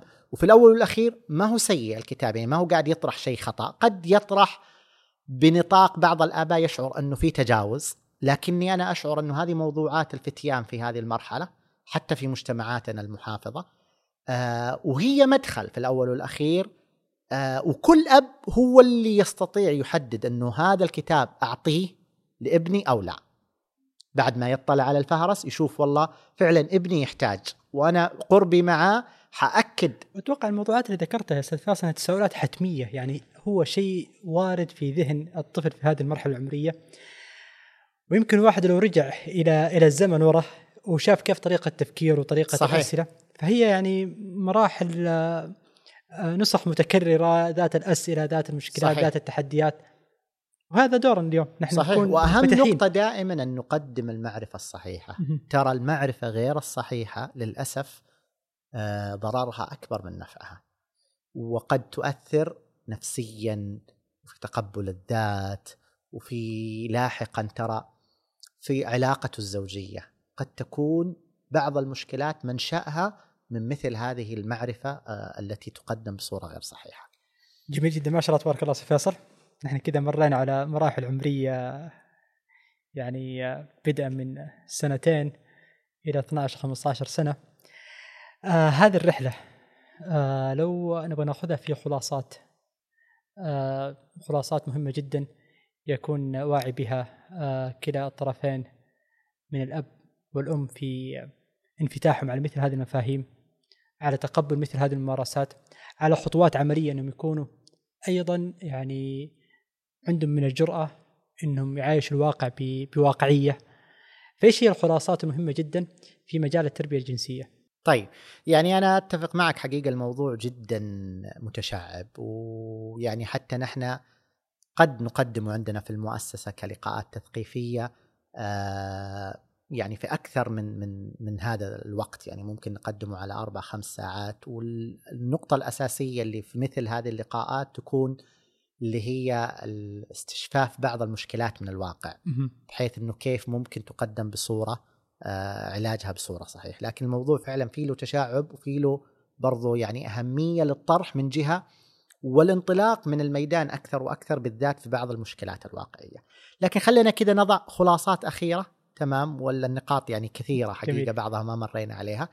لكن واحدة من النقاط الأساسية اللي أعتبرها أساس في التربية الجنسية للأبناء أن تكون هنالك مساحة آمنة للحوار والنقاش وإجابة الأسئلة وأكون أنا دائما كوالد كأم كأب المصدر الأساسي لمعرفة أبنائي المعرفة الصحيحة لهذه الأمور ويرجعوا لي دائما حتى يحصلوا على المعلومة بصورة آه، بصورة صحيحة في المساحة الآمنة للحوار. اثنين الإشباع العاطفي والنفسي والفكري بصورة كاملة. تمام يمكن نحن قد نلتفت أو قد نهتم أكثر بالفتيات في هذا البعد لكن أيضا للفتيان مهم جدا أن يكون هنالك إشباع عاطفي وفكري ونفسي. ثلاثة هو الانطلاق من الدين. فالدين هو الفيصل وهو المنطلق. وحقيقة أكرر المعلومة اللي ذكرت لك إياها سابقا قضية انه ديننا دين كامل أعطانا مثل هذه الأشياء ووجهها ووضحها وكان يعني حقيقة آه، قمة في الرقي والروعة في طرح مثل هذه القضايا. بلاش العادات اللي هي بعض الأحيان تكون مخالفة للدين من جهة. من جهة قد تكون حتى لما تكون نابعة من الدين وأنا فقط حبرت عليها لأنها عادة في يوم من الأيام اختلفت أنا ممكن أفهم إنه خلاص اختلف الوضع. لا في قضايا متعلقة بالدين لابد نعود لها للدين ونحبرها. واستاذ أحمد في أشياء ممكن نختلف فيها لاختلاف المدارس الفقهية؟ تمام ما هي ما هي اختلاف هوى؟ بقدر ما أن هذه قضية اختلاف فقهي اختلف فيه العلماء الأفاضل. لكن ترى في قضايا هي من الأشياء المجمع عليها. ما في مجال للخلاف فيها. مو معناته أنا اختلفت في نقطة وفكيت الباب إنه الباب هذا انكسر وصار الوضع كل شيء قابل للاختلاف. قابل للاختلاف وإنه عادي وما في أي مشكلة لا. مثل هذه التربية الجنسية أساسها هو الدين. الدين هو الفيصل في مثل هذه الأمور. العلم الحقيقي العلم الحقيقي غير الملوث. للأسف الآن يروج مثلا لموضوع الشذوذ إنه جزء من العلم إنه جزء من الطبيعة وهذا غير صحيح. يعني لا يوجد أبحاث تنص على انه قضية الشذوذ الموجود هو شيء طبيعي أو جيني وبالتالي يتقبل من الأفراد. هم يروجوا لذلك لكن ما في أي نص أو دليل أو بحث علمي محكم مؤصل. وهذا بكلام يعني المختصين زي الدكتورة هبة وغيرها. ما في أي بحث صحيح صريح في قضية أن الشذوذ أو المثلية لها بعد علمي خلينا نقول. وأما مثلا كثرة الممارسات حتى على على على يعني التاريخ الممتد ما هو دليل صحة. الحروب من من زمان وهي موجودة وهي غير غير شيء طبيعي. ولا ممارسات الكائنات الحية. يعني بعضهم مثلا يقول والله الكائنات الحية منتشر فيهم مثلا موضوع الشذوذ أو المثلية. طيب الكائنات الحية مثلا بعض الأمهات تأكل أبنائها. هل هذا ممكن نقيسه على على مجتمع البشر غير صحيح. فبالتالي لابد نحبر مثل هذه القضايا لأنها هي أركان وأساسيات في ما يتعلق بالمعرفة جميل. الجنسية. أستاذ فيصل بعد أختم معك في هذا المحور المهم جدا نحن في إشارة آه، دائما آه، نستضيف الكفاءات المتخصصة في مجالات اللي تقدم إسهامات آه، رائدة في قضايا هي مهتمة فيها. اليوم عموم الشباب اللي عنده اهتمام في مجال التربية في مجال الطفولة في مجال التأهيل والقراءة آه ونحن نشوف أستاذ فيصل اليوم. ما شاء الله تبارك الله عميق المعرفة مجتهد آه في في ربط كثير من المعارف بأصولها. إيش تقول للشباب اللي هم حابين يخوضوا غمار هذه المرحلة؟ وهي مرحلة مرتبطة بشكل كبير جدا بالتأسيس بالتنشئة بالتأهيل. إيش هي أبرز الوصايا؟ حتى يخرج لنا يعني كفاءات شابة. آه مؤمنون بهذه القضايا وكذلك جالسين يقدمون فيها إسهامات. آه يحتاجها المجتمع وفي بعد علمي ومعرفي عميق مو بس ارتجال ولا بس ناس مهتمة ومحبة لكن ما عنده الاستناد المعرفي في مثل هذه القضايا. جميل. الله يعطيك العافية. خير ختام. يعني حقيقة أول قضية أنه حقيقة يعني أمتنا وطننا محتاجين لنا جميعا. وجيد أن نخرج عن النمطية أو التكرار. تمام؟ يعني مو صحيح مثلا عندي واحد من عيلتي مثلا مهتم بنقطة معينة وطلع ما شاء الله مؤثر أني لازم أنا أكون مهتم بنفس القضية هذه وأكون مؤثر. أشوف والله المشاهير مثلا الجيدين منهم طبعا. مثلا برز في جانب معين بدون ذكر جوانب أنه لازم حتى أبرز أني أكون في هذا الجانب ولا ما حبرز. لا اختر أي مجال لأنه جميعنا نكمل بعض وأمتنا وطننا محتاج لكل تخصص ولكل مجال. اثنين لا تكن آه، آنيا ولا تستعجل الثمرة. مهم جدا أن تعيش المستقبل المستقبل الذي يأتي بعد عشر سنوات عشرين سنة. وترى أنت من تتكلم مثلا عن شباب بعمر العشرين سنة ترى لما تعطيه عشر سنوات يعني دوبه في الثلاثين وهو قاعد يعني يصبح بارز إعلاميا هذا مرة ممتاز. أو حتى أربعين سنة ويستضاف ويتكلم ويسمع له ويعتبر خبير هذا مهم. وهذا يأتي متى؟ لما أنا أحدد مجالي صح ولا أستعجل الثمرة وأركز فيه. ترى من يركز سيجني ويصبح مثل ضوء الليزر مهما كانت المنطقة مضيئة إلا أنه يكون بارز. مو مثل أي ضوء بعض الأحيان في لمبات تشتغل وتطفي مع الإضاءة الأخرى ما تبان أنها أصلا شغالة. فمهم جدا التركيز قضية القراءة. يعني لاحظ معي أستاذ أحمد وهذا نرجع لموضوع القراءة القراءة حقيقة تصنع الإنسان وتصنع آه، حتى داخل الإنسان طريقة تفكيره في استخلاصه للمعلومة في جمعه للمعلومة يترقى فيها في مدارج التفكير. يبدأ مثلا بس مجرد إنه يتذكر المعلومة لا بدأ يفهمها بدأ يطبقها. طيب لما طبقها راح حلل بعض الأشياء ركب بعض الأشياء أبدع في بعض الأشياء. تمام؟ واستطاع إنه يقدم شيء يحتاجه الناس. ترى بعض الأحيان آه المبدع ما حيجيب شيء جديد. حيجيب نفس الأشياء اللي موجودة لكنه أعاد تقديمها بطريقة أخرى. يحتاجها الناس وممكن أسهل. ترى بعض المبدعين حتى صناع المحتوى المبدعين يقدم بعض الأشياء. لو لو رحت لاكاديمي أو متخصص ممكن عنده هذه المعرفة أكثر منه بأضعاف. لكن هذا المبدع وصل للناس لأنه استطاع أن يقدمها بصورة جيدة. فالتخصص مهم، القراءة مهمة، التركيز على ما ما ما ما تعشق. أيضا مهم وسيثمر بإذن الله. وعدم استعجال الثمره الله يعطيك العافية شكرا شكرا لك نحن سعداء والله بك أستاذ فيصل. سعدت بكم. إن شاء الله كذا نكون غطينا الموضوع بشكل جيد. إن شاء الله. الله يعطيك العافية شكرا لك أستاذ فيصل.